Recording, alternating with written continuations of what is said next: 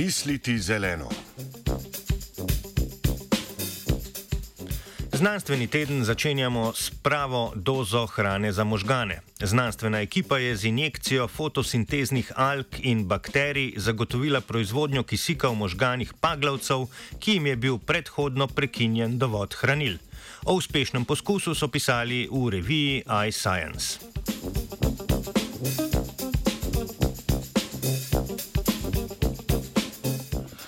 Možgani z živčevjem spadajo med energijsko najpotratnejša tkiva v organizmu, za nemoteno delovanje potrebujejo kar petino dnevnega vnosa kalorij in petino vsega vdihanega kisika.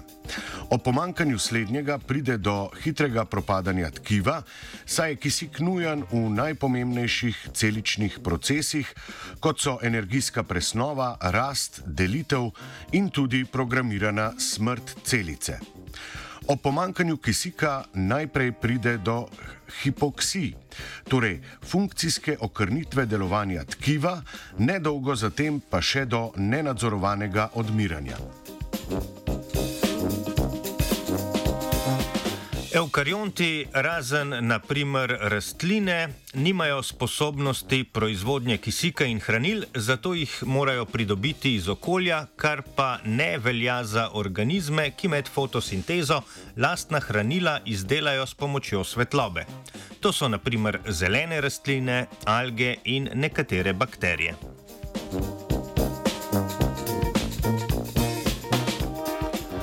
Znanstvena ekipa je želela preveriti, kako ta princip deluje v praksi.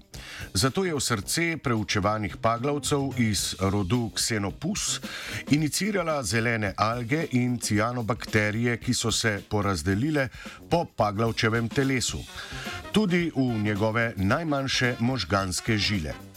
Iz bazena s paglavci so izrinili kisik, saj so želeli preveriti, ali lahko z osvetljevanjem njihovega prosojnega telesa dosežejo samozadostno proizvodnjo kisika v procesu fotosinteze za potrebe normalnega delovanja živčevja in možganov.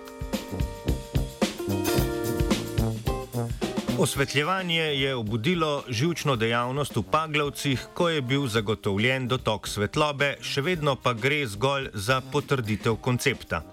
Če se pri iniciranju fotosinteznih organizmov v krvožilje lahko izognemo aktivaciji imunskega odziva in zamašitvi najmanjših žilic, bi lahko bila injekcija bakterij ali alg začasna rešitev v tkivih s primankljajem kisika.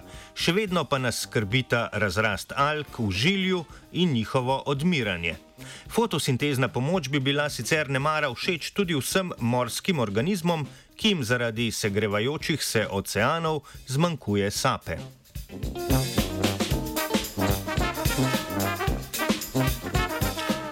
Pod žarilko terarija se kopa luka.